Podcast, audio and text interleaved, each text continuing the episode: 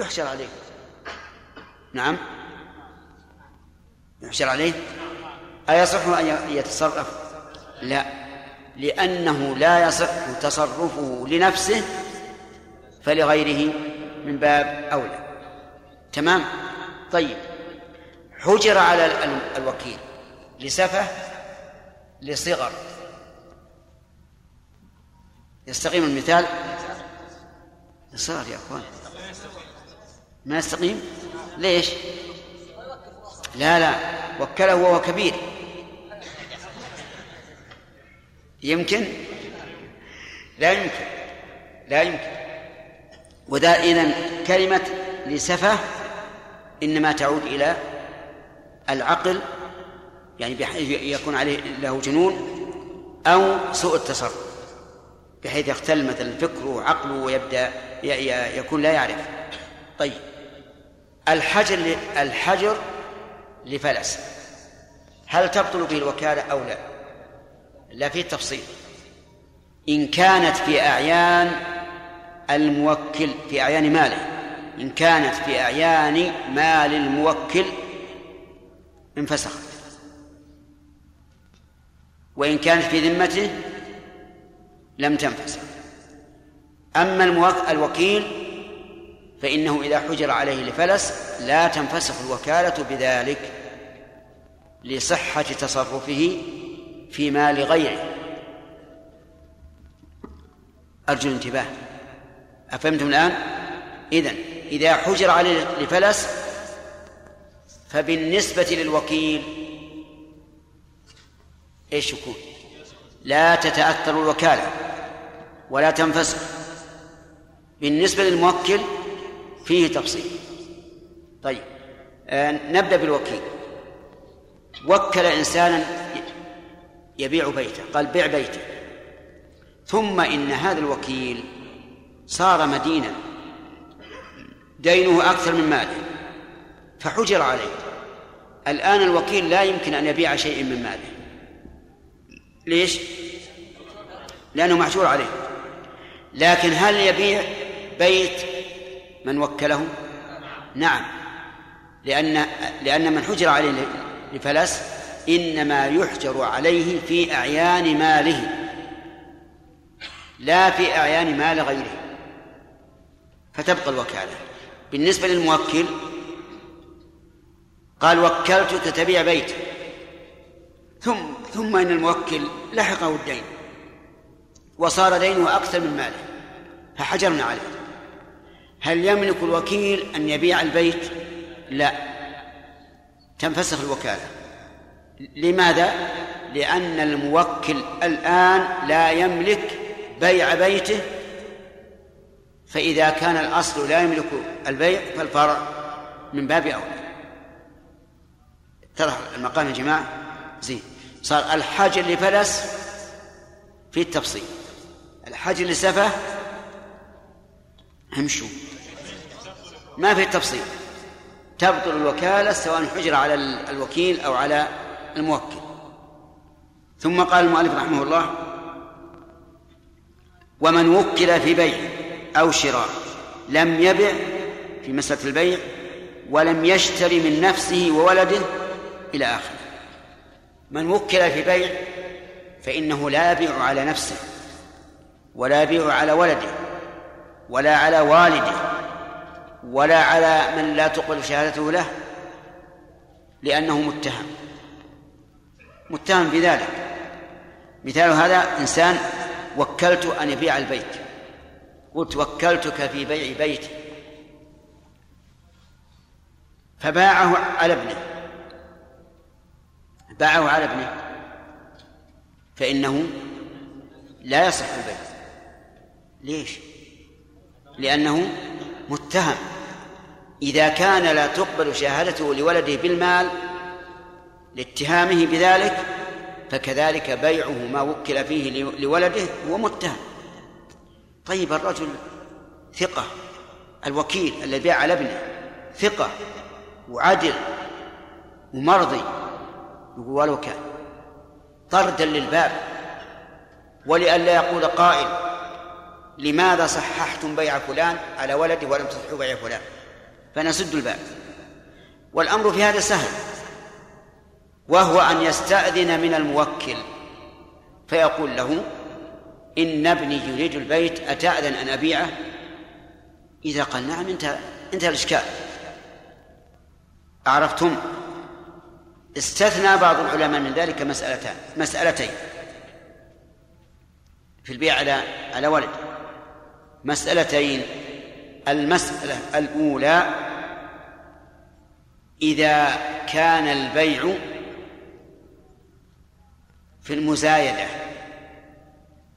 وانتهى الثمن على ولده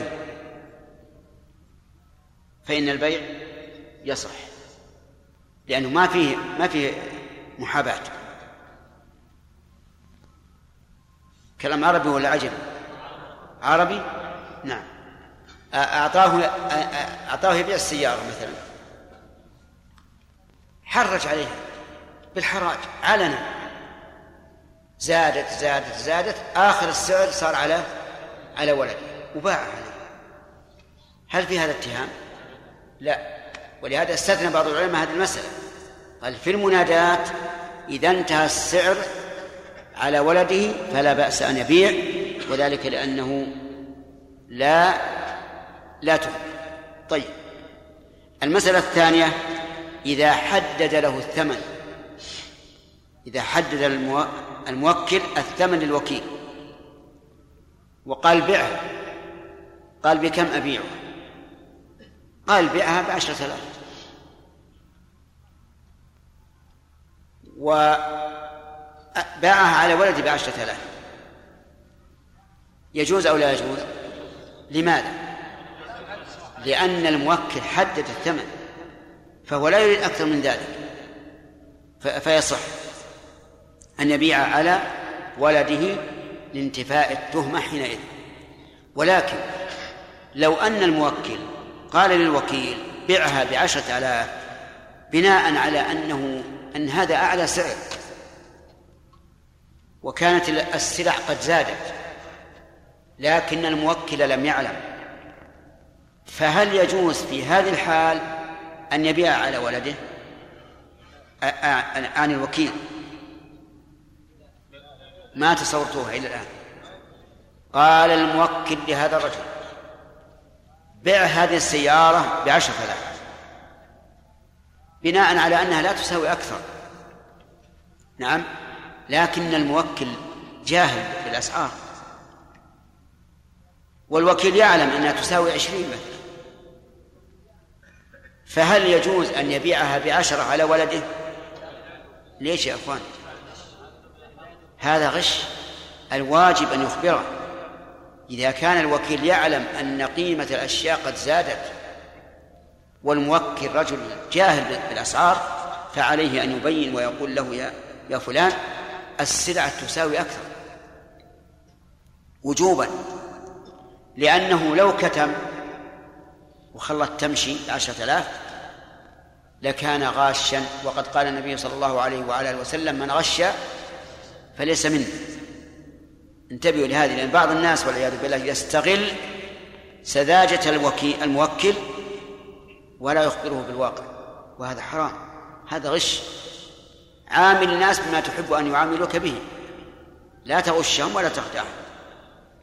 طيب يقول المؤلف ولا على ولده طيب إذا إذا باع على بنته. بنت يا أخوان. هي هي ولد؟ البنت ولد. متأكدون؟ أين دليلكم؟ قوله تعالى يوصيكم الله في أولادكم للذكر مثل حظ الأنثيين. فجعل الله الأنثى من الولد وهو كذلك. طيب لم يبع من نفسه إذا كان لا يبيع من نفسه. فهل يجوز أن يوكل شخصا يشتريها لنفسه؟ انتبه الصورة. آه، أعطيت هذا الرجل أعطاه أعطاه هذه السيارة ليبيعها. قلنا لا يبيع على نفسه واضح. لكن قال يا فلان أنا ما يجوز أشتريها لنفسي. لكن وكلتك تشتريها لي. وصار الذي يزيد وكيله يزيد وكيله حتى انتهت عليه واشتراه. أيجوز هذا أو لا؟ لا لا يجوز. لماذا؟ حيلة هذه حيلة. ووكيله قائم مقام نفسه. والمثال يا أحمد كيف هو؟ مثالنا هذا.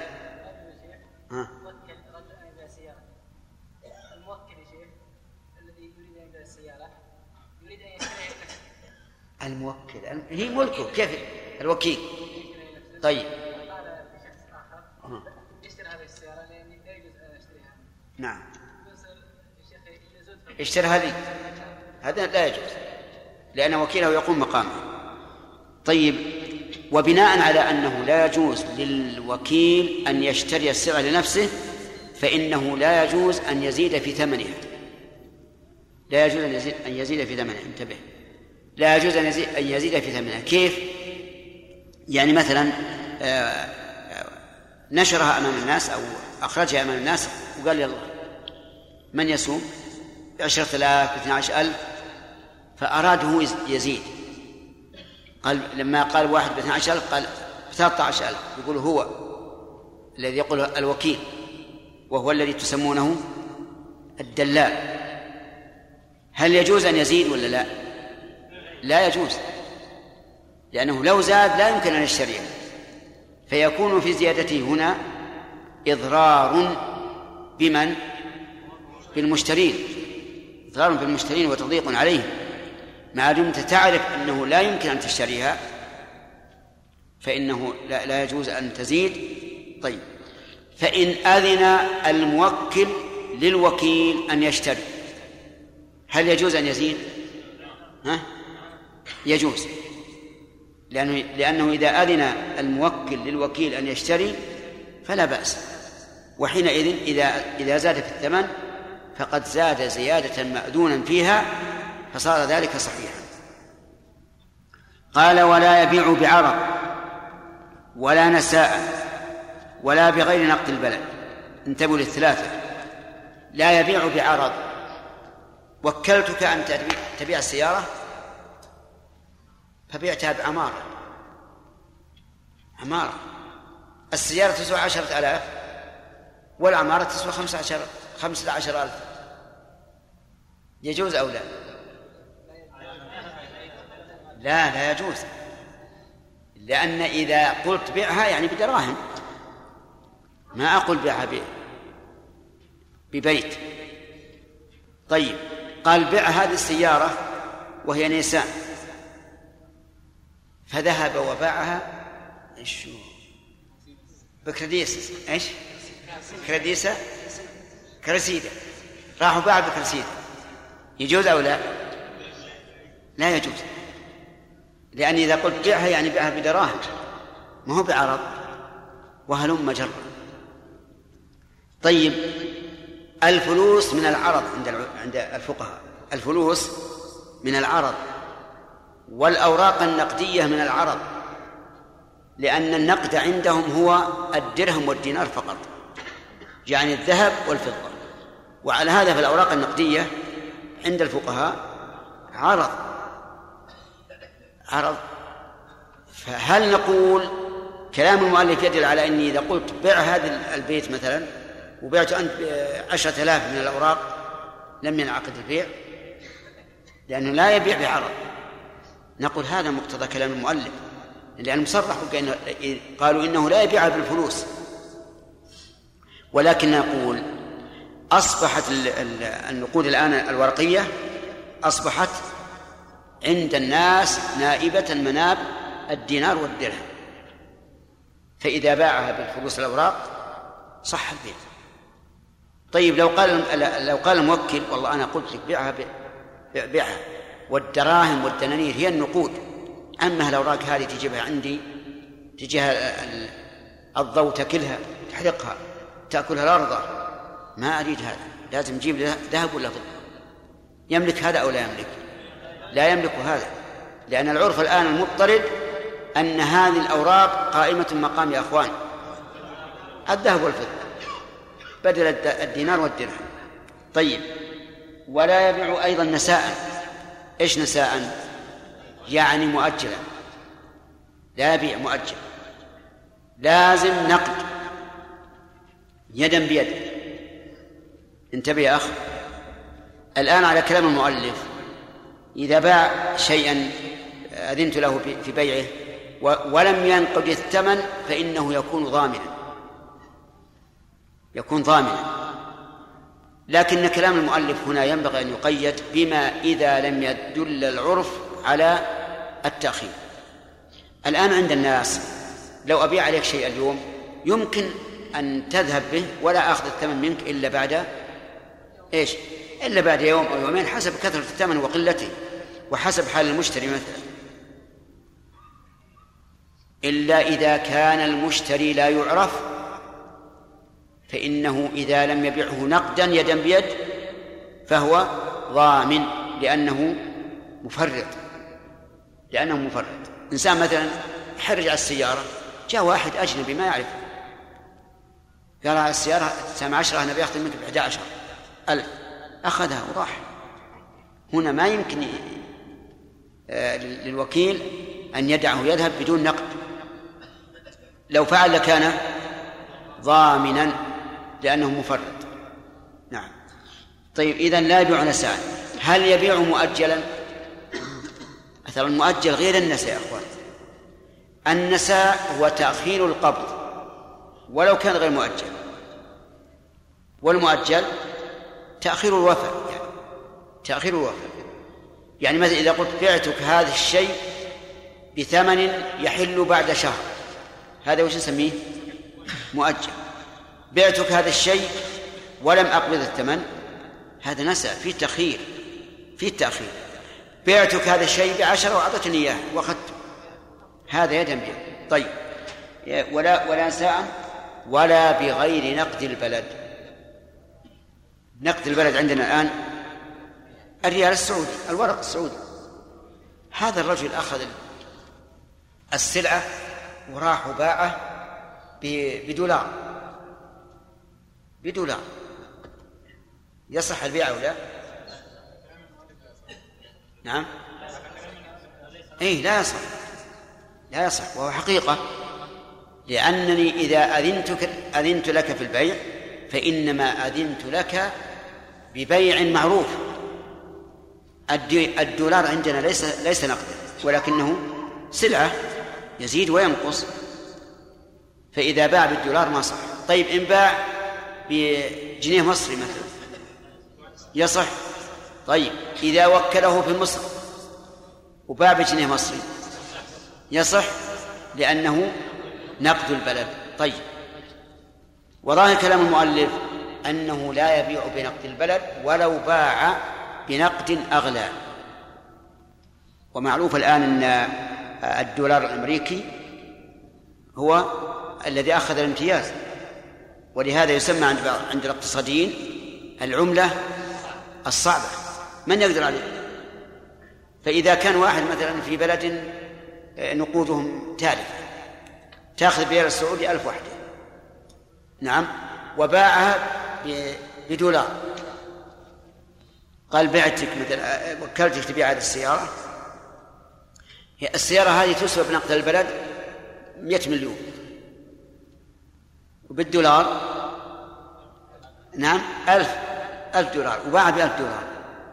يصح البيع ولا ما يصح لا كلام المؤلف ما يصح ما يصح يعني لأنه لأنه غير نقد البلد. مع أن بلدا كهذه يعني رخص نقدها يفرحون إذا جاءهم الدولار. فهل نقول إن كلام المؤلف مقيد بما إذا كان بما إذا لم يكن النقد الذي باع به أغلى من النقد.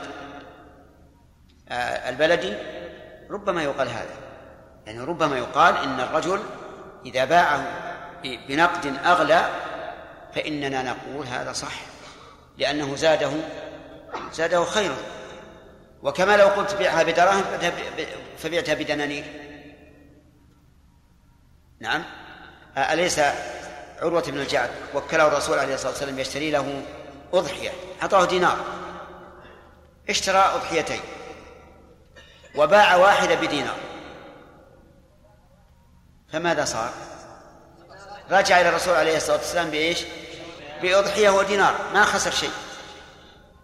فأقره النبي عليه الصلاة والسلام على ذلك. فهذا يدل على أنه إذا كان تصرف الوكيل فيه خير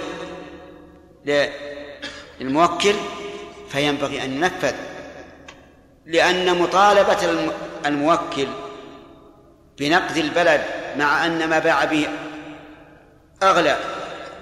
ما هو إلا إضرار إلا إضرار. وقد قال النبي عليه الصلاة والسلام لا ضرر ولا ضرار. قال ولا بغير نقد البلد. وإن باع ب... أو ناخذ أسئلة نعم. بأقل نعم. لا يصح لا ما يصح لأن لأنه غير الجنس أو النوع. بخلاف الزيادة والنقص ففيها خلاف كما سيأتي. طيب روح. يفسخ البيع ويقول تعال يا أيها المشتري البيع بطل وأعطنا نقد البلد. يمكن ذاك يفرح المشتري.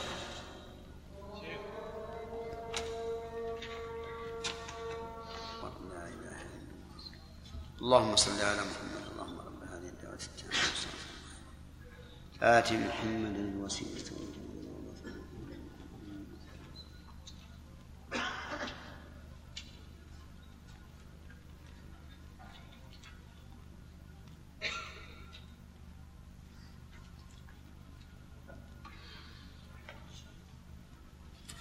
نعم.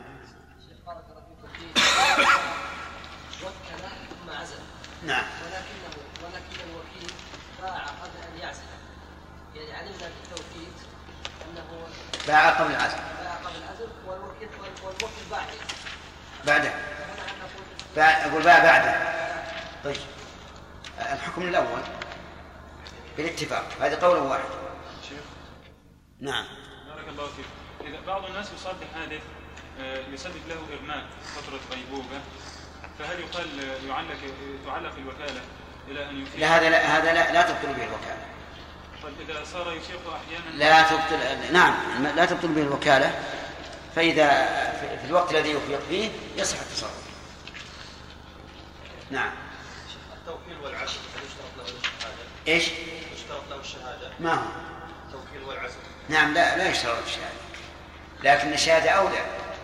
لأنه يترتب عليها أشياء ربما ينكر الوكيل أو الموكل فيترتب عليها أشياء.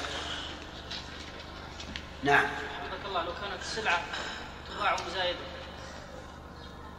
فوكل الوكيل رجلا آخر يزايد.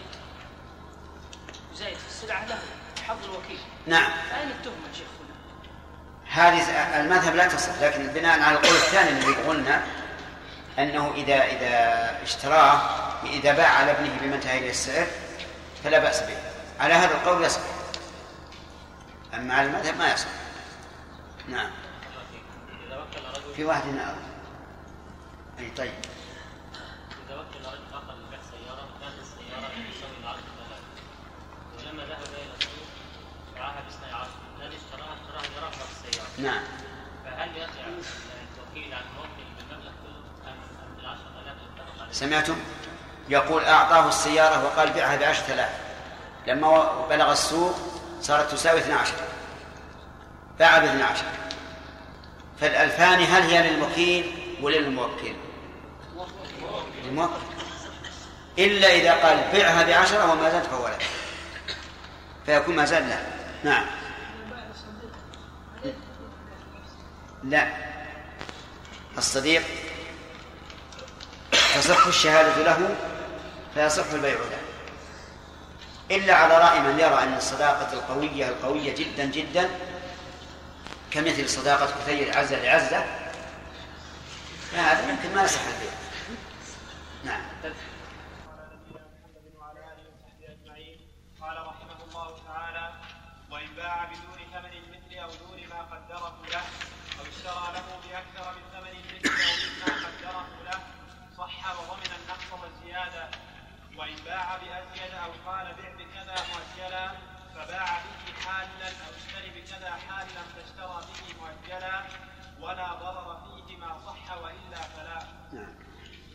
بسم الله الرحمن الرحيم. سبق لنا أن أن الوكيل مقيد بما دل عليه لفظ الموكل نطقا أو عرفا. هذه القاعدة.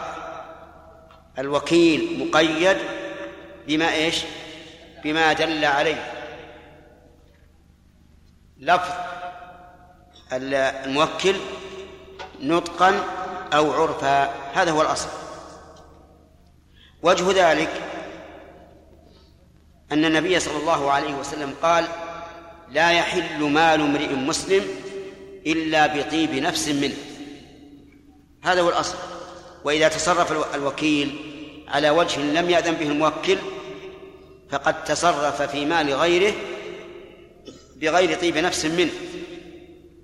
انتبهوا لهذه القاعدة لأن, لأن جميع ما يأتينا من التصرفات التي ذكرها الفقهاء رحمهم الله غالبها يعني يذكرون التعليل دون الدليل الأثري. لكن الدليل الأثري الذي يعتمد عليه في هذه الأمور هو هذا الحديث. لا يحل مال امرئ مسلم إلا بطيب نفس منه. وكذلك الآية إلا أن تكون تجارة حاضرة تديرونها بينكم. لا. وهي قوله تبارك وتعالى فيها التراضي نسيت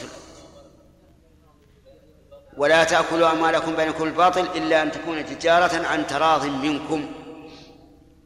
فعلى هذا تكون العمدة في تصرفات الوكيل. وقد ذكرنا فيما سبق أنه لو وكل في بيع فهل يبيع على ولده إبراهيم؟ لماذا؟ متهم بمحاباته. طيب. لأنه ربما تساوي عشرة ويبيعها على ولد بتسعة طيب هل يستثنى من ذلك شيء يا يحيى؟ ما هو؟ إذا حدد له الثمن. إذا حدد له الثمن. أو المزايدة. أو في المزايدة. أو وقف السعر على الولد في المزايدة. فهنا لا بأس لأنه لا تهمة حينئذ. طيب ذكرنا أن الموكل إذا حدد للوكيل ثمنا والوكيل يعلم أن هذا الثمن أنقص من ثمنها في السوق فهل يجوز أن يبيع بما حدد أو لا؟ صالح؟ لا يجوز. لماذا؟ طيب. لأن هذا خلاف النصيحة. كذا؟ النصيحة الواجب أن يبين له. لا يؤمن أحدكم حتى يحب لأخيه ما يحب لنفسه والسلع قد يكون قيمتها بالأمس أرخص من قيمتها اليوم. طيب هل يجوز إذا وكل في شيء في بيع شيء أن يبيع على صديقه الحميم؟ لا يجوز. صديق. نعم.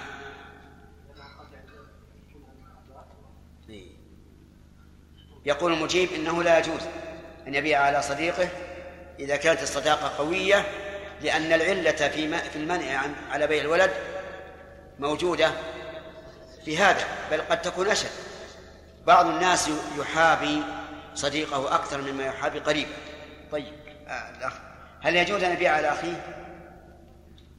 أن... أي. نعم يجوز أن يبيع على أخيه نعم صح لأنه ليس أصله ولا فرعه الممنوع أن يبيع على أصله أو فرعه أي على آبائه وأجداده وإن علوا أو على أبنائه وبناته وإن نزلوا طيب لو كان لو كان الأخ شريكا له عبيد الله أيجوز أن يبيع عليه؟ نعم. شريك هم شركاء. شركاء في المال في البيع والشراء. ووكل هذا الرجل أن يبيع هذه السلعة وباعها على أخيه.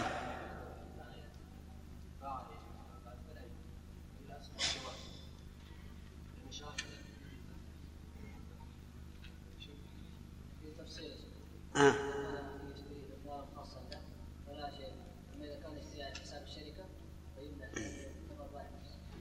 طيب. أسمع لهم التفصيل يقول إذا كان الأخ اشتراه لشيء خاص به كما لو اشترى كما لو كان مثلا بشتا يعني مشلحا أو كان عقالا أو غترة يريد أن يلبسه فهذا لا بأس به. أما إذا كان يشتري لمال الشركة فهذا لا يجوز لأنه في الحقيقة باع على على نفسه. طيب. إذا قال له لا أظن ما إذا قال بع هذا هذه السيارة فباعها بسيارة أخرى أحسن منها. لا يصح البيع؟ أحسن منها. لأن نعم. لا يصح لأنه ليس له أن يبيعها إلا بنقد البلد. طيب. لو علم الوكيل أن الموكل يريد أن يشتري هذه السيارة. إيه؟ نقول أنا الأصل ما يجوز. الأصل أنه لا يجوز لأنه ربما يكون قد عدل. عن هذا النظر. طيب. آخر ما قرأنا. ولا بغير نقد البلد؟ نبدأ درس اليوم. قال وإن باع بدون ثمن المثل أو دون ما قدر له أو اشترى له بأكثر من ثمن المثل أو مما قدره له صح وضمن النقص والزيادة هذا تصرف مخالف لكنه ليس مخالفا في أصل العقد بل في وصف العقد. ولهذا يصح ويضمن. المثال الأول إذا باع بدون ثمن المثل قال له بع سيارتي وكانت هذه السيارة يباع مثلها بأربعين ألف. فباعها بخمسة وثلاثين ألف. الوكيل باعها بخمسة وثلاثين ألفا. فهل البيع صحيح أو لا؟ المؤلف يقول إن البيع صحيح. لماذا؟ لأن الوكالة لم تتعدى البيع. يعني ما ذهب مثل يهبه لأحد أو يعطيه إياه مضاربة؟ أو يوقفه. لا باع لكن خالف في إيش؟ في الوصف. لأنني حين أقول بع السيارة إنما أريد أن تبيعها بثمن بثمن المثل. فعلى هذا يصح البيع ويضمن الوكيل النقص. وكم باعها به؟ قلنا بخمسة وثلاثين. وقيمتها في السوق أربعون. إذن المشتري تبقى السيارة معه. لأن البيع صحيح. وعلى الوكيل أن يضمن لصاحب السيارة خمسة آلاف ريال الذي هو النقص. فإن عفى عنه نعم فالحق له ما في مانع. هذا إذا باع بدون ثمن المثل أو دون ما قدره له. بأن قال بع هذه السيارة بأربعين وهي تساوي ومثلها في السوق بخمسة وثلاثين. فباعها بخمسة وثلاثين كما هو سعرها في السوق. يقول المؤلف إن البيع إيش؟ صحيح. وعليه ضمان النقص. ما الذي نقص؟ خمسة آلاف. لأن صاحب السيارة حدد البيع الثمن قال بأربعين. وهذا باع بخمسة وثلاثين. فإذا قال الوكيل أنا بعت بالثمن المثل ولا تساوي أكثر من هذا. قلنا لكن الوكيل لكن الموكل حدد لك. واضح؟ طيب. إذا قال قائل لماذا لا يبطل العقد من أصله؟ قلنا لأن هذا الرجل لم يخالف. إيش؟ في أصل العقد لأن الرجل الذي وكله أراد أن يبيعها فباعها ولا ضرر عليه إلا في النقص وسوف يضمن. طيب. أو اشترى له بأكثر من ثمن المثل أو مما قدره له. صح. إيه، قال له اشتر لي مثلا ساعة. الساعة عينها طبعا الموكل عين نوع الساعة وهي تباع بأربعين. لكن صاحب الساعات صاحب الموكل للوكيل الذي يبيع الساعات. صاحب الوكيل. فاشتراها بخمسة وأربعين. كم ثمن المثل؟ أربعون. واشتراها بخمسة وأربعين. نقول الشراء صحيح؟ لأنه حصل مقصود الموكل. والنقص الذي الذي يكون على الموكل هو خمسة ريالات التي هي زيادة عن ثمن المثل. نضمنها من؟ نضمنها الوكيل. واضح؟ كذلك لو قال اشتر لي ساعة بأربعين درهم. اشتر لي ساعة بأربعين درهما أي ريالا فذهب واشترى له خمسة وأربعين. فالشراء صحيح وعلى الوكيل النقص. طيب لو قال الوكيل هو قدر لي أربعين لكن السعر زاد. واشتريتها بما بما تساوي. اسألوا كل الذين يبيعون الساعات أن قيمتها أربعون. آه، خمسة وأربعون. ماذا نقول؟ نقول لكن الرجل حدد لك. لماذا لم ترجع إليه وتقول إن القيمة زادت ثم تنظر؟ هل يستمر في التوكيل أو لا؟ وقول المؤلف ضمن النقص في أي مسألة؟ فيما إذا باع بدون ثمن المثل أو دون ما قدره له.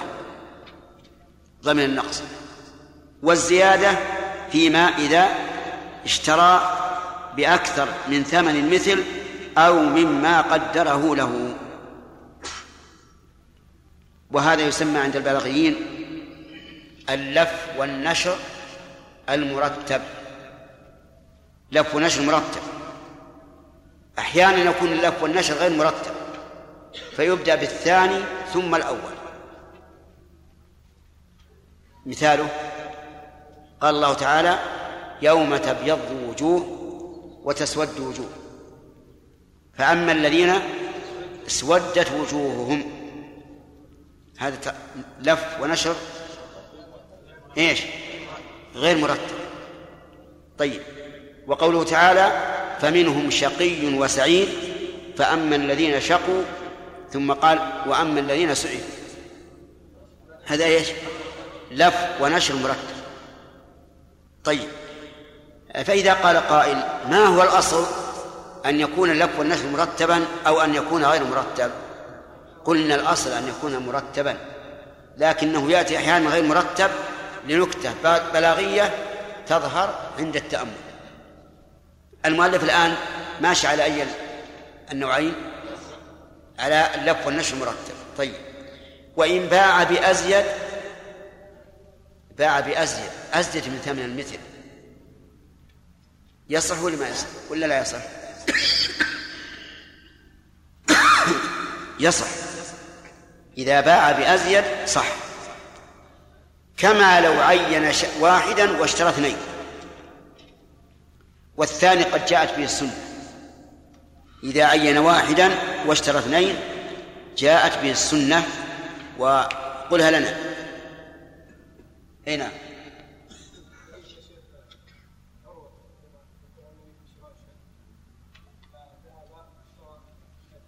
الجعد بن عروة. ها. أوصاه الرسول عليه الصلاة والسلام أن يشتري أضحية بدينار. فاشترى شاتين ثم باع واحدة بدينار. وأقره الرسول عليه الصلاة والسلام. وقد يقال إن هذا يمكن فيه المنازعة لأن هذا أقره الرسول عليه الصلاة والسلام فنقول إقرار الرسول له وعدم قوله لا تعد يدل على أن مثل ذلك جائز. طيب إذا باع بأزيد قال يا فلان خذ بع هذه الساعة بأربعين درهم. فذهب وباع بخمسة وأربعين. وجاء. تفضل خمسة وأربعين. يصح ولا ما يصح؟ ونعين. إن أبى يقول الوكيل هات الخمسة. سهلا المسألة حل المشكلة واضح. إذا قال لا ما أسمع. يقول الوكيل بكل بساطة إيش؟ هاتني الخمسة وقدر بعتها بأربعين لكن لو عين من يبيعها عليه. قال بعها على فلان بأربعين. ثم باعها عليه بخمس وأربعين. فهنا لا يصح. لماذا؟ لأن تعيين الموكل للشخص يدل على أنه أراد بذلك محاباة الشخص. وهذا لما باعها بأزيد فوت على الموكل غرضه. وحينئذ نقول لا ما يصح. ارجع إليه ورد عليه الخمسة. أو نقول بأسوأ بأسوأ الأمرين إن البيع غير صحيح. طيب. وإن باع بعزل أو قال بيع بكذا مؤجلا فباع به حالا. أو اشتري بكذا حالا فاشترى به مؤجلا ولا ضرر فيهما صح وإلا فلا. هذه مسألتان. المسألة الأولى بيع بكذا مؤجلا فباع به حالا. قال فلان خذ هذه الساعة بعها بأربعين درهما لكن مؤجلة إلى سنة. إلى سنة. فذهب الرجل الوكيل وباعها بأربعين نقدا. وجاء بالأربعين. فقال له الموكل أنا قلت لك بئها بأربعين مؤجلة إلى سنة. قال طيب هذا أحسن لك. أنا أتيت لك بالأربعين وبدل من أن تنتظر الوفاة لمدة سنة الآن حصل الوفاة. هل يصح هل يصح ولا لا؟ يقول مالك يصح بشرط أن لا يكون هناك ضرر. وعلم من كلامه أنه إذا كان هناك ضرر فال فالبيع غير صحيح. لكن صورة الضرر صورة الضرر أن يكون هذا الوكيل الموكل يريد أن يسافر. وليس راجعا إلى إلى البلد إلا بعد سنة. ويعلم أنه لو أخذ الدراهم الآن ضاعت منه. فله غرض في التأجيل الغرض هو أن لا يضيع ماله. فنقول في هذه الحال لا يصح البيع. لأن الموكل له إيش؟ غرض في التأجيل وأنت فوتت عليه غرضا طيب هذه صورة. صورة ثانية فيها ضرر. يمكن أن هذا الموكل الجو الذي هو فيه أو البلد فيه ولاة ظلمة يسطون على الناس ومن وجدوا عنده مالا ضربوا عليه ضرائب أو أخذوا ماله وهو يقول لو أخذت الثمن حالا وضعته عندي فجاءت أعين الظلمة وقالوا هذا الرجل عنده مال تسلطوا عليه هذا غرض صحيح ولا غير صحيح؟ ها؟ هذا غرض صحيح تصورت هذا ولا لا؟ كلكم طيب قال أنا قلت لك مؤجل لأني الآن الولاة الظلمة قد نشروا أعينهم في البلد ومن رأوا عنده مالا أخذوه أو جعلوا عليه ضريبة وأنا ما ما ما, ما أريد ذلك. نقول هذا فيه ضرر. بيعه نقدا فيه ضرر على من؟ الوكيل يا جماعة. على الموكل. على الموكل. طيب هذه هذا قوله بيع بكذا مؤجلا فباع به حالا. صار إذا قال بيعه بكذا مؤجلا فباع به حالا فالبيع صحيح ويلزم الموكل بقبض الثمن. إلا إذا كان في ذلك ضرر فالبيع غير صحيح ولا يلزم الموكل بقبض الثمن. وضربنا للغرض كم صورة؟ صورتين. طيب. كذلك إذا قال اشتري بكذا حالا فاشترى به مؤجلا قال يا فلان هذه أربعين ريال أربعين درهم. أنتم تعرفون الدرهم ولا ما تعرفون؟ ما هو الدرهم؟ النقد من الفضة إذا خليها درهم. قال بيع هذه الساعة بأربعين درهم. لكن بيعها نعم لا قال اشتري اشتري لي ساعة بأربعين درهما خذ أربعين درهم. اشتري بها ساعة. وعين الساعة والمسألة واضح وبين للوكيل فذهب الوكيل واشترى ساعة مؤجلة إلى سنة بأربعين درهم. يعني صاحب الساعات قال أنا أؤجل لك الثمن إلى سنة ولا أزيد. أربعين درهما يكفي. فجاء به ردد الأربعين درهم إلى الموكل وقال الحمد لله الآن جاك ساعة بأربعين درهما إيش مؤجلة انتفع بدراهمك الآن وإذا جاءت السنة فأوف يصح ولا ما يصح؟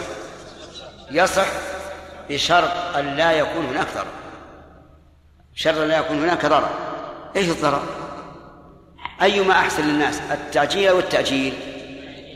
إيش؟ التعجيل حتى إنه لو كان لك حق على شخص مؤجل وقلت يا فلان أنت عندك لعشرة آلاف إلى سنة. يكفي منك ثمانية آلاف نقدا. وعطى ثمانية آلاف. يجوز؟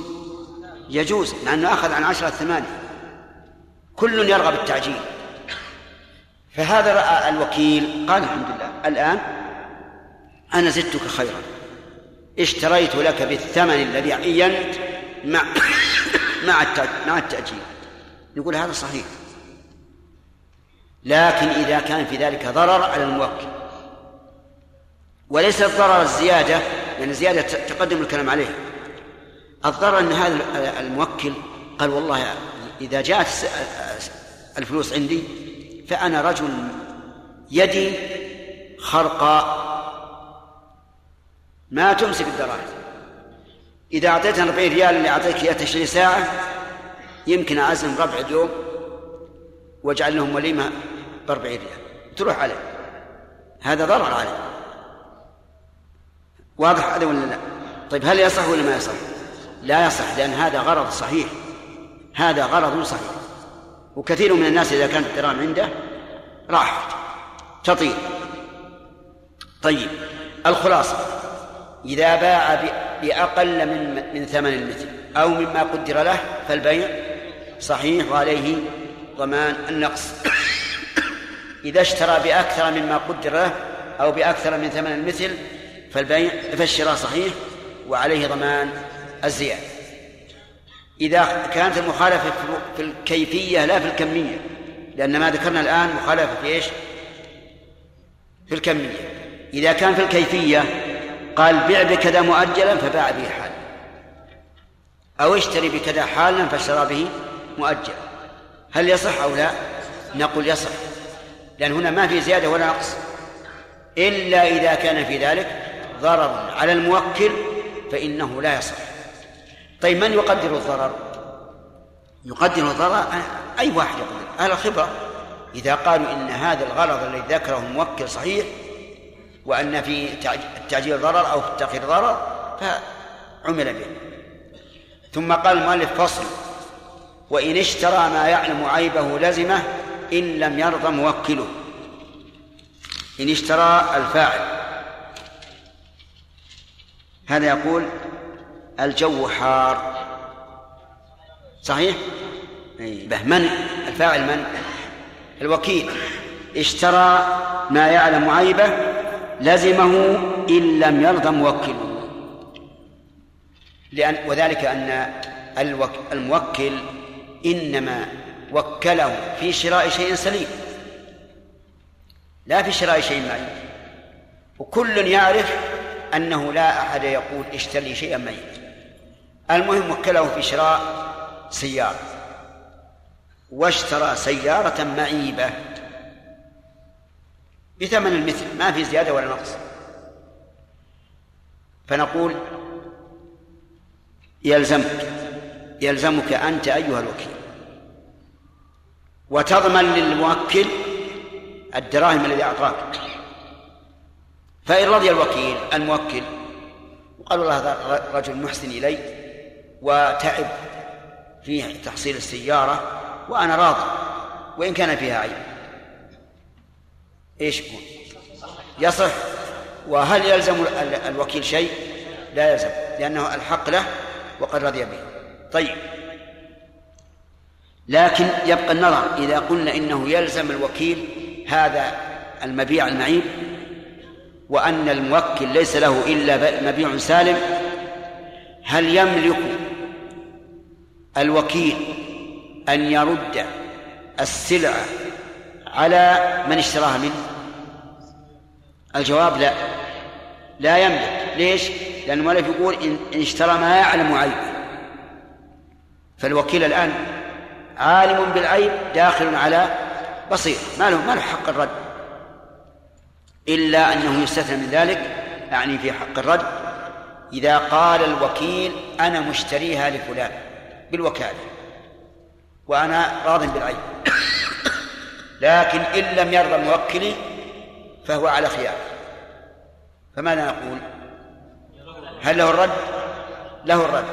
وذلك لأن البائع دخل على بصيرة وقبل هذا الشرط. قال فإن جهل رده. إن جهل الفاعل يعود على الوكيل. إن جهل يعني إن جهل العيب. ولم يدري بالعيب رده. انتبه. انتبه لكلمة رده لم يقل هنا إنه يخير بين الرد وبين الأرش. والذي فهم منكم آه، من قرأ في باب الخيار أنه يخير إذا وجد العيب يخير بين إمضاء البيع مجانا أو إمضائه بالأرش أو رده أليس كذلك؟ طيب. هنا يقول المؤلف رده فقط. إن جهل رده ولا يملك ولا يملك أخذ الأرش لماذا؟ لأن أخذ الأرش معاوضة جديدة إذ أن الأرش عوض عن الجزء الفائت بالعين. ما فاهمين ولا لغة عربية؟ عربية ولا غير عربية؟ وخالد؟ نعم. واضح؟ طيب. إذا إذا اشترى الوكيل معيبا وهو لا يعلم بعيبه ثم وجد العيب. نقول الآن لك لك الخيار بين إيش؟ بين الرد والإمضاء لكن الإمضاء لا بد أن يرضى الموكل. طيب لماذا لا نقول لك الخيار بين الإمضاء بين الرد والإمضاء مع الأرش؟ لماذا لا نقول هذا؟ لأن الأرش معاوضة عن جزء فائت بالعيب ولا يملك أن يعاود هو لأنه ليس أصيلا بل هو وكيل فرع. إلا إذا قال الموكل لا بأس أن تأخذ الأرش مفهوم هذا يا جماعة؟ طيب. ولعلنا نمثل بالأرش والرد. هذا الإنسان اشترى سيارة على أنها سليمة اشتراها بأربعين ألف على أنها سليمة ولما ذهب بها وجد أن بها عيبا ينقص من قيمتها عشرة آلاف. كم تكون قيمتها في الواقع؟ ها؟ تكون ثلاثين ألف. نقول أنت الآن بالخيار. إما أن تذهب إما أن ترد السيارة على البائع وتأخذ الأربعين.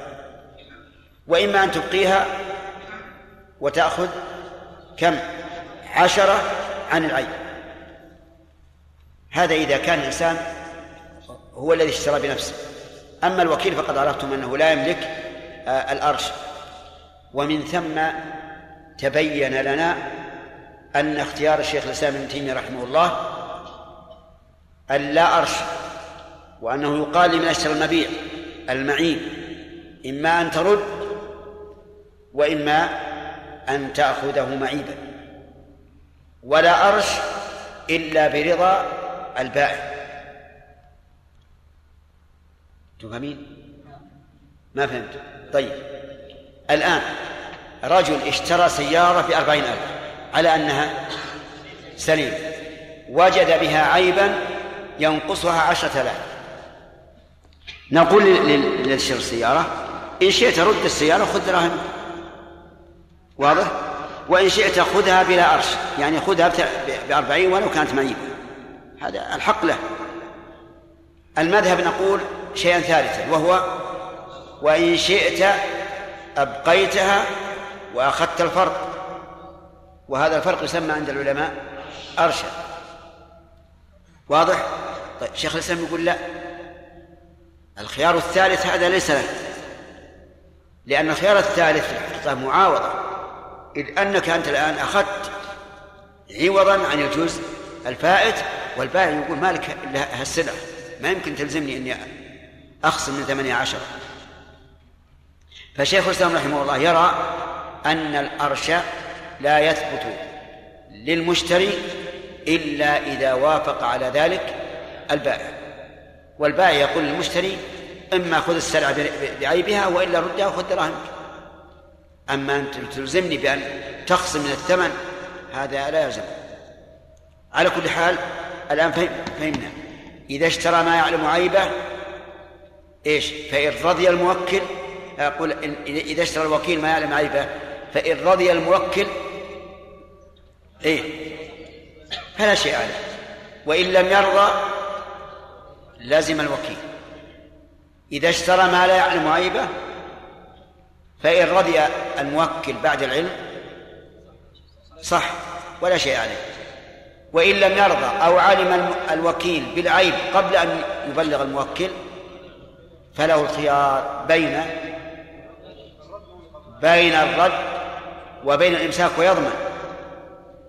ولا أرش لأن الأرش عبارة عن معاوضة عما فات بالعيب والوكيل لا يملك ذلك. نعم شيخ بارك الله فيك قلنا انه يضمن النقص اذا تصرف في غير اذن الموكل نعم فهل اذا تصرف فربح؟ نعم. كما قلنا اذا باع باكثر من ثمن المثل أو أكثر مما حدد له فلما لا ينتفع هو بالزياده؟ نعم لأن لأن السلعة ما هي ملك السلعة ليست ملك له ما يخالف من هي له السلعة إذن هل بينه وبينك عقد مرابحة مضاربة؟ نعم. شيخ بارك الله فيكم.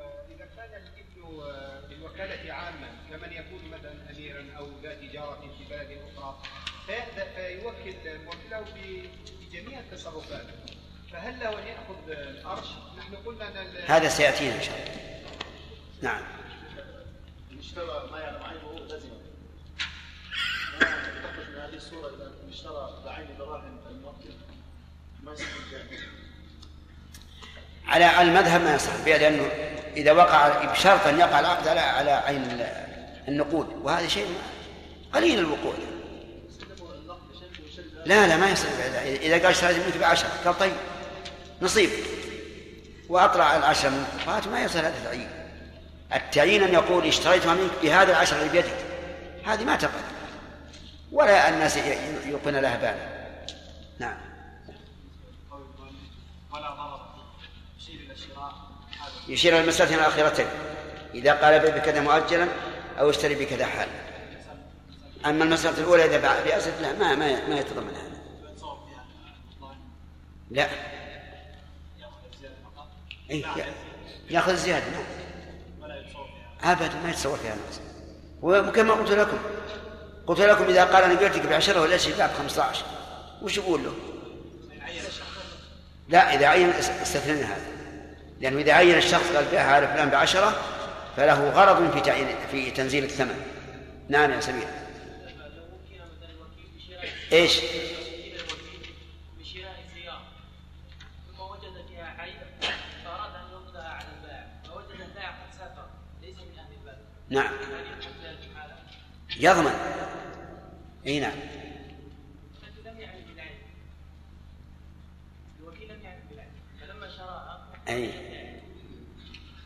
إذا اشتراها في في هذه الحال ربما يقال ينظر في أمرهما.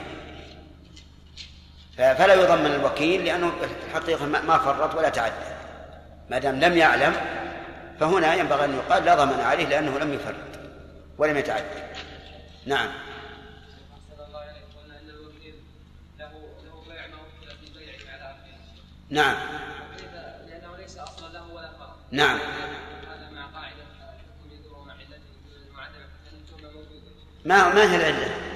التهمة آه إذا قلنا لكم إذا كانت التهمة حتى في الصديق. إذا وجدت التهم- التهمة حتى في الصديق. لكن ألم تعلم أن بعض الأخوة آه، يعني يشدد في محاسبة أخيه؟ والله ما ما- على كل حال إذا وجد الحكم إذا وجدت العلة ثبت الحكم. متى وجد وجدت التهمة فإنه لا يصح. هذه الدعوة التامة والصلاة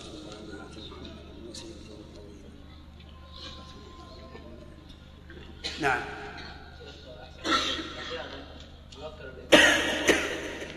فهل يجوز له ان التي اخذها على ان على ان عنده في البيت بالضبط تقع كثيرا نعم. العلماء يقولون لا يجوز. من وكل في شيء ما يمكن يتصرف فيه اطلاقا. ولا يجوز أن يستقرض الدراهم التي وكل أن يشتري بها حاجة. لكن جرت العادة والعرف أن الإنسان أنه لا بأس به لكن لا سيما إذا كان الانسان غنيا والدراهم موجودة في البيت. أما أن يستقرضها ويقول بشتري سلعة بثمن غير منقود فهذا ما يجوز. إذا صار ما عنده الشيء نعم.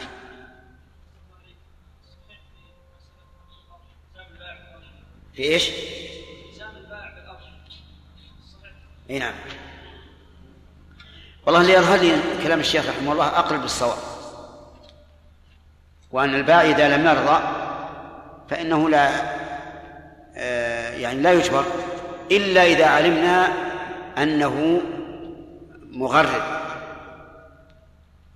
بما أنه عالم بالعيب ولكن كتمه فهنا يلزم بالأرش لأنه متعدد. نعم. صحيح. وكان الوكيل محتاجا للمبلغ واشترى وباع قال اشتري كذا حالا واشتراه مؤجلا وأخذ النقود له. ما يجوز إلا باستئذان. الأصل خذوا القاعدة. الأصل في أموال الغير أنها محترمة. لا يجوز أن يتصرف فيها الإنسان إطلاقا. فإذا وجد مخالفة فعليه الضمان. إلا على رأي من يرى بجواز التصرف الفضولي إذا أذن فيه من له الحق. إذا وقع من ذلك فأقول أنا أرى أن التصرف الفضولي جائز. لأن الرسول أجازه أجاز تصرف الجعد بن عروة بن الجعد أو الجعد بن عروة نسيت. عروة بن الجعد أجاز.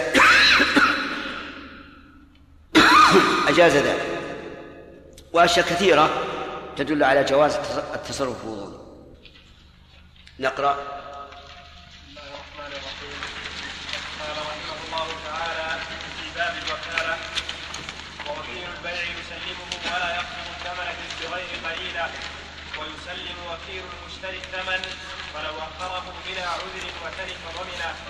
وإن وكله في بيع فاسد فباع صحيحا أو وكله في كل قليل وكثير أو شراء ما شاء أو عينا بما شاء ولم يعين لم يصح. والوكيل في الخصومة لا يقبض والعكس بالعكس. وقت الحق من زيد لا يقبض من ورثته إلا أن يقول الذي قبله. ولا يضمن وكيل الإيداع إذا لم يسلم بسم الله الرحمن الرحيم. قال المؤلف رحمه الله تعالى في مباحث الوكالة وقبل أن نشرع لدرس الجديد آه، نسأل عن ما مضى. هل يجوز للإنسان إذا إذا وكل في بيع أن يبيع بأكثر من ثمن المثل ويأخذ يجوز ليش؟ لا يجوز له أن يأخذ الزياده إنما يرجع بالزياده على صاحبه على على موكله. يعني باعه بأزيد؟ باع بأجل من ثمن المثل صح البيع ورجع بالزياده على موكله. وصارت الزيادة لصاحب السلعة ولا يمكن يأخذه. طيب لو قال بيعها بعشرة وما زاد فلك فباعها باثني عشر. فإنه يأخذ له ذلك طيب نعم هو له ذلك لكن لو كان يعلم أن السلع قد زادت أي نعم لو كان الوكيل يعلم أن السلع قد زادت وصاحب السلعة قال له بيعها بعشرة وما زاد فلك ظانا أنها أكثر ما تساوي عشرة فهل يجب عليه أن يخبره بأن السلع قد زادت؟ من اثنين؟ يجب عليه. اشتراك هذا. السؤال لك أنت. طيب. يجب عليه أن أن ما الدليل؟ لكي لا يكون لكن وش الدليل؟ يعني إذا إذا قلنا لأن ولم نقل لأن لأن الله يقول أو لأن الرسول يقول فهذا تعليل. أما إذا كنت تجد الدليل تقول الدليل قوله تعالى أو قول الرسول. لا يؤمن أحدكم. أي نعم. طيب. يقول مالك رحمه الله إذا قال بع بكذا مؤجلا فباع به حالا صح إن لم يكن في ذلك ضرر. كيف الضرر؟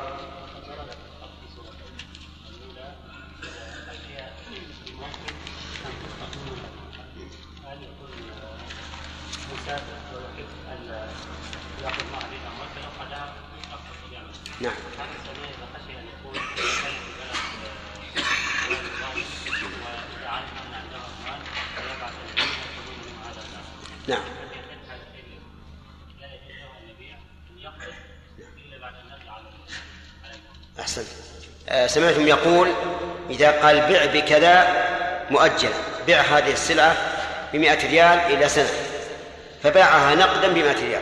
نقول هذا البيع صحيح لأنه زاده خيرا إذ أن الثمن المنقود أحب إلى الناس من الثمن الموعود. إلا إذا كان على الموكل ضرر والضرر آه، لا ينحصر في صورتين لكن ذكرنا صورتين. الصورة الأولى إذا كان الموكل يريد أن يسافر ويخشى إذا حمل معه الثمن أن يضيع أو يسرق أو ما أشبه ذلك فهنا نقول هذا عليه ضرر فالبيع لا يصح.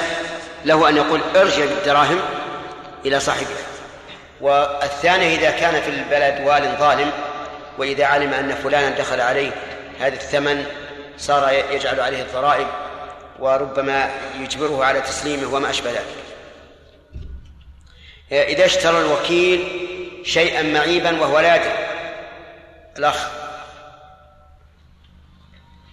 يقول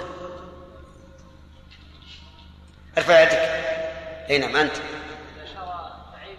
وهو لا يدري أن به عيبا فهل له أن يرد أو لا؟ ها. ان شاء اخذه وان شاء مخير كيف مخير وهو وكيل؟ إذا رضي لا هو ما الموكل مو عنده إذا لا يحق له وش ما يحق؟ طيب إذا يجب أن يرده من أين تأخذه من كلام المؤلف؟ من أين تأخذه من كلام المؤلف؟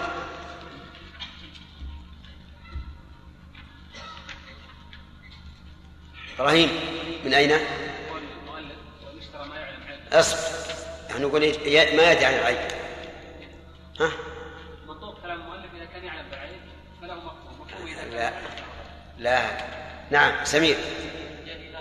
نعم. من قوله فإن جهل رده. ما قال له الخيار؟ إن جهل رده لأنه ما يملك الخيار. طيب. آه، إذا اشترى ما يعلم عيبه.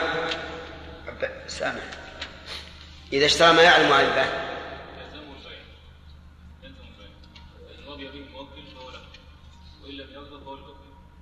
يعني يلزم من؟ يلزم الوكيل معيبا لأنه دخل على بصيرة. ثم إن رضيه الموكل فهو له وإن لم يرضه فهو على الوكيل. تمام. ثم قال المؤلف في درس الليلة ووكيل البيع يسلمه أي يسلم المبيع. وكيل البيع يعني الذي وكل في بيع. يسلم المبيع. لأن هذا من مقتضى العقد. مثاله أعطيت رجلا يبيع لك ساعة فباعها يسلمها. إلى المشتري. مع أنك أنت لم تقل بيعها وسلمها. يعني مع أن الموكل مع أن الموكل لم يقل بيعها وسلمها إنما أمرك بالبيع. فنقول التسليم من مقتضى العقد. لأنه إذا تم البيع ملك المشتري السلعة ووجب أن تسلم له. طيب وهل يقبض الثمن؟ لا لا يقبض الثمن. لأنه إنما وكل في البيع. فيبيع ويقول خلاص يا موكلي بعت على فلان اخذ الثمن منه. ولا يقبض الثمن. وجه ذلك آه، أمران. الأمر الأول أنه وكل في البيع دون قبض الثمن. وقبض الثمن ليس من مقتضى البيع. الثاني أنه قد يرضى من يبيع له ولا يرضى أن يقبض الثمن. لأنه غير أمين على عليه عند الموكل. فلهذا قال قالوا إنه يملك تسليم المبيع ولا يملك تسلم الثمن. لهذين الوجهين. طيب. لكن المؤلف يقول بغير قرينة. يعني فإن وجد قرينة إن وجد قرينة فإنه يقبضه وجوبا. يقبض الثمن وجوبا. القرينة مثل أن يبيعه على رجل لا يعرف. رجل في البلد غريب. باع عليه السلعة. إذا لم يقبض الثمن منه فإنه سوف إيش؟ سوف يضيع. سوف يضيع. فهنا القرينة تدل على أنه يقبضه. وكذلك أيضا لو باعه على من عرف بالمماطلة. فهنا يقبض الثمن أو لا يقبضه يقبضه لأنه من مصلحة الموكل. لأنه من مصلحة الموكل. فإن قال قائل لماذا لا تمنعونه من من أصل؟ أن يبيع على غريب أو على مماطل. قلنا لأنه قد تقتضي المصلحة أو زيادة الثمن أن يبيع على إيش؟ الغريب والمماطل. وإذا كان سيسلم له الثمن فلا ضرر طيب وإذا أذن له أي أذن الموكل للوكيل أن يقبض الثمن فهل يقبضه؟ أي معلوم معلوم من باب أولى وإذا قال ولا تقبض الثمن فهل يقبضه ولو وجد قرينة؟ لا لأنه نهاه قال لا تقبض الثمن لكن إذا قال قائل إذا نهاه أن يقبض الثمن فمن المعلوم أن الموكل ليس غبيا بحيث لا يأذن له إذا دلت القرينة على أنه يقبضه.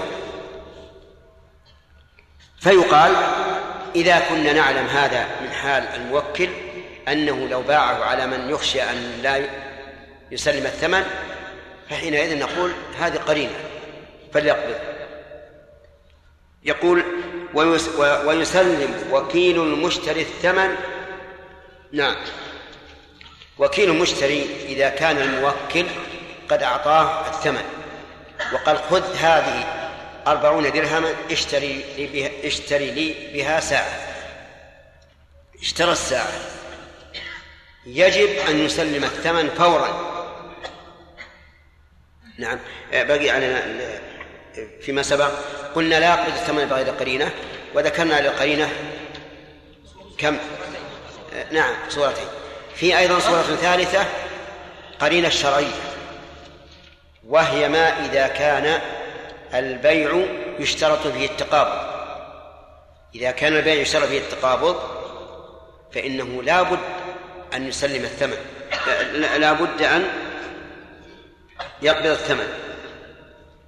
لا بد أن يقبض الثمن. مثاله أعطاه حليا من الذهب وقال بعه فهنا لا يمكن أن يبيع الذهب بدراهم دون قبض بل لا بد من من القبض. وحينئذ نقول هذه قرينة نصفها بأنها قرينة شرعية والصورتان السابقتان قرينة عرفية. طيب. قال ويسلم وكيل المشتري الثمن. إذا وك... إذا أعطاه دراهم قال اشتري لي بها سلعة. اشترى السلعة. نقول يجب أن أن يسلم الثمن. حتى وإن لم يقل له سلم للبايع عجيب نعم وإن لم يقل سلمه لأن هذا من مقتضى العقد. كما أن وكيل البيع يسلم المبيع فوكيل الشراء يسلم الثمن. هذا مقتضى العقد كيف يشتري له بلا ثمن. ولكن يقول فلو أخره بلا عذر وتلف ضمنه. لو أخره أي الوكيل أي أخر تسليم الثمن بلا عذر ضمنه إذا تلف. مثاله أعطيته أربعين درهما يشتري فيها سلعة. واشترى السلعة في, في أول النهار. وقال للبايع آتي لك بالثمن في آخر النهار. أو سكت ولم يأتي به إلا في آخر النهار لكنه فيما بين الشراء وآخر النهار تلف الماء الثمن. فإن المشتري يضمنه لماذا؟ لأنه مفرط إذ أن الواجب عليه أن يسلم الثمن مباشرة. هذا ما ذهب إليه المؤلف ولكن الصواب أن يقال الحكم يدور مع علته. والناس إذا اشترى منهم الإنسان السلعة في أول النهار وأتى بالثمن في آخره لا يعدونه مفرطا لأن هذا مما جرت به العادة. فالصواب أن يقال إن أخر تسليم الثمن تأخيرا يعد به مفرطا فهو ضامن وإلا فلا. وتعليل الفقهاء رحمهم الله تعليلهم يدل على هذا.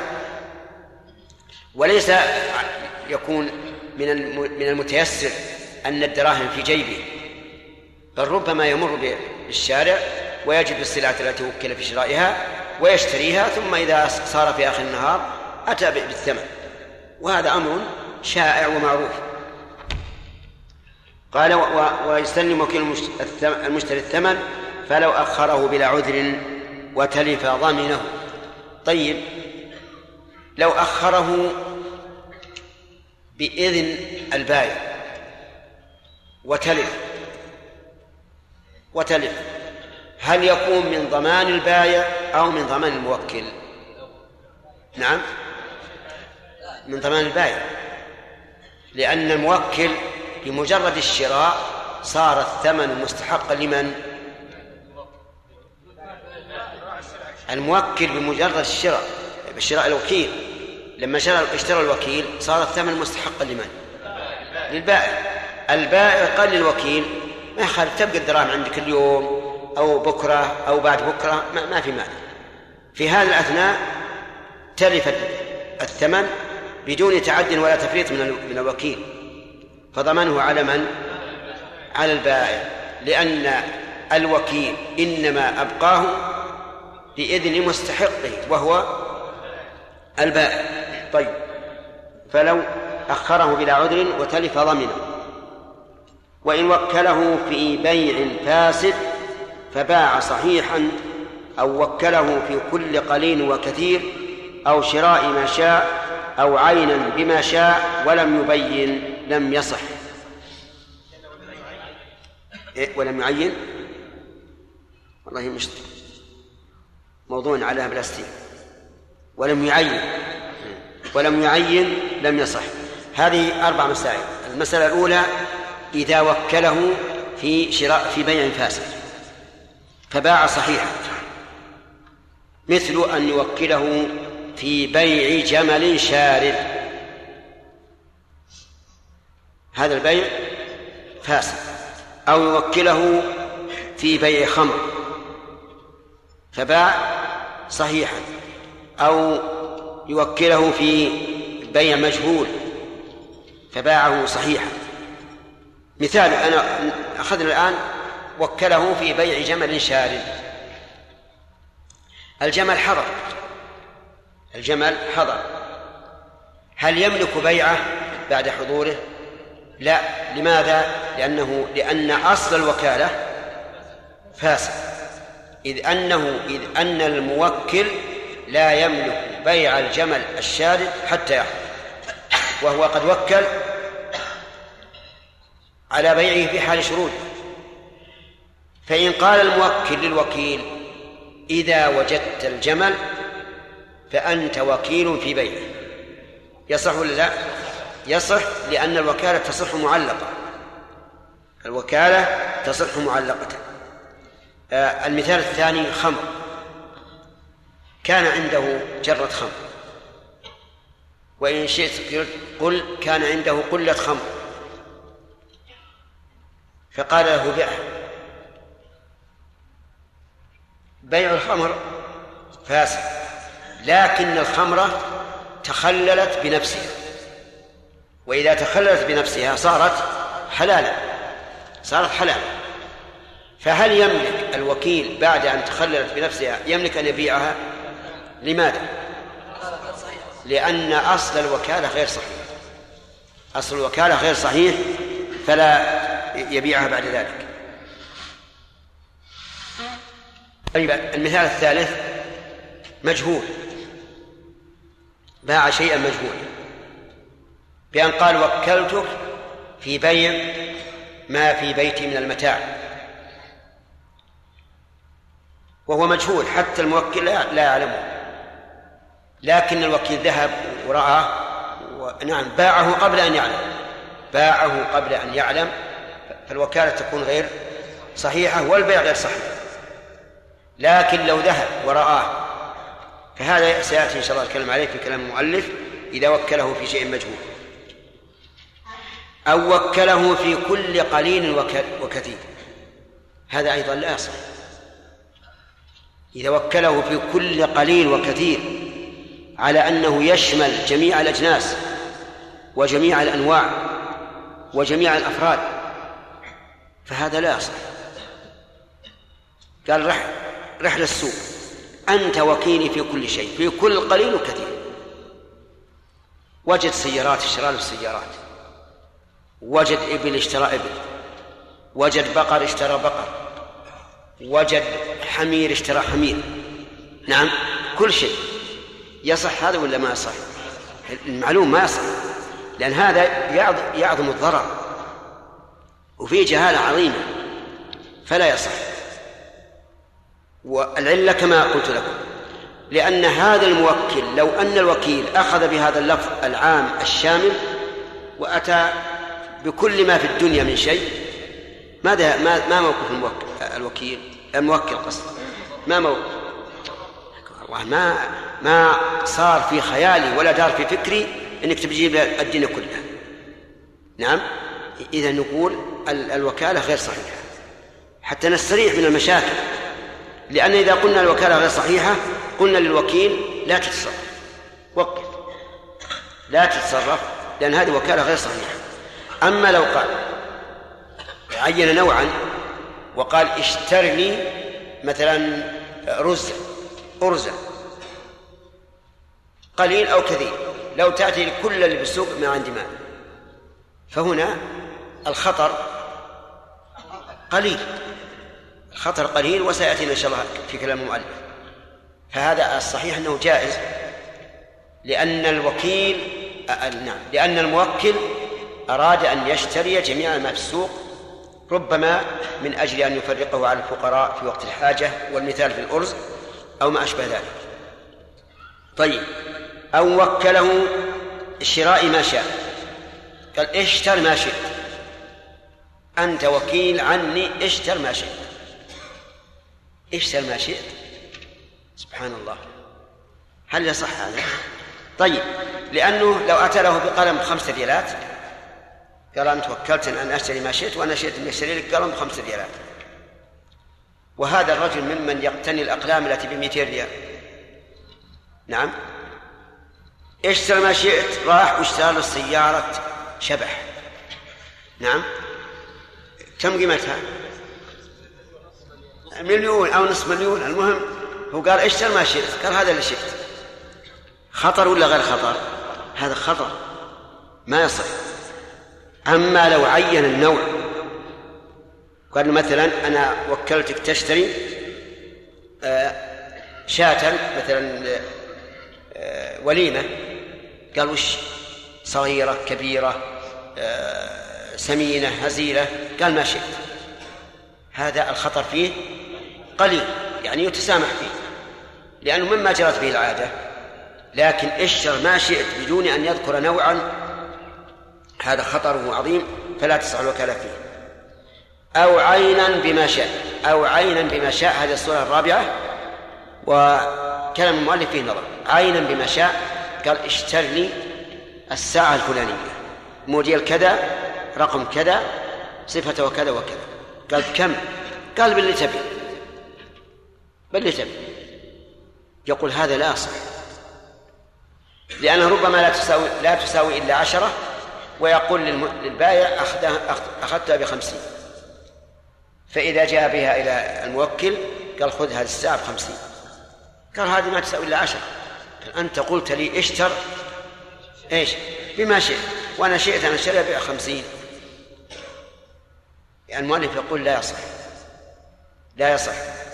لكن نحن نعلم علم اليقين أن الموكل لما قال الوكيل بما شئت فإنما وكله إلى أمانته. أليس كذلك؟ وليس من الأمانة أن يشتري ما يساوي عشرة بخمسين. طيب آه لو قال له آه عين له عين وقال اشتريها قال بكم؟ قال بما ترى أنه مناسب. يصح أو لا يصح؟ يصح؟ نعم هذا يصح. وقد يقال إنها داخلة في كلام المؤلف وأنها لا تصح وقد يقال إنها غير داخلة لأن هنا لم آه، يقيده بالمشيئة المطلقة وإنما قيده بما يراه مناسب. وهذا نوع من التخصيص فلا يكون كالمشيئة المطلقة. طيب. إذا قال آه، عين له شيء عين له عينا قال اشتري للوفد الذين سيحضرون إلي أو الضيوف اشتري مثلا لهم آه، شاة. قال بكم؟ قال بما شئت أو بما ترى. أنه مناسب. يجوز؟ يجوز. لأن هذا وإن كان فيه شيء من الجهالة وربما يشتريها بثمن لم يخطر على بال الموكل لكن مثل هذا يكون قليلا ومما يتسامح الناس فيه عادة. وحقيقة الأمر أن هذه مسائل فردية لكن ينبغي أن نعرف لها ضابطا الضابط في ذلك أنه كلما دل عليه العرف أو القرينة مما يحتمله كلام الموكل وليس فيه محذور شرعي فإنه فإنه صحيح. إذا كان يدل عليه العرف أو القرينة ويحتمل كلام الموكل وليس فيه منع شرعي فإنه صحيح. وذلك لأن الأصل في المعاملات يا خالد الأصل في المعاملات الحل. فإذا لم تخالف الشرع ولم تخالف العرف ولم تخالف لفظ المتعاملين فإن الأصل فيها الأصل فيها الصح. طيب. قال والوكيل في الخصومة لا يقبض والعكس بالعكس. ما جاء في الأسفل جاء اي نعم نعم. طيب. شيخ هل يمكن هل هل يمكن الضابط بارك الله فيك الضابط الأخير؟ هذا اي نعم. نعم. يعني الا يتمشى مع ما نعرفه عن الناس اليوم الذي تكثر أمواله مثلا وتجارته يوكل مثلا إنسان في كل قليل وكثير. لا يمكن أن يرجع إليه وكلاؤه في كل شيء. هو اذا إذا ذكرنا القاعدة اللي ذكرناها أو الضابط هي التي ينبغي أن يتمشى عليه. وما ذكره الفقهاء رحمهم الله. لا ينافي ذلك لأنهم يعللون كل مسألة بما يقتضيه هذا الضابط إذا نهى إذا نهى الموكل الوكيل عن قبض الثمن نعم. ولم يجد إلا ذلك المماطل أو الغريب مشتريا نعم. فلم يقبض هل يضمن؟ موجب اللفظ يضمن. لا يضمن. مقتضى اللفظ أنه لا يضمن. لكن من النصيحة بلا شك؟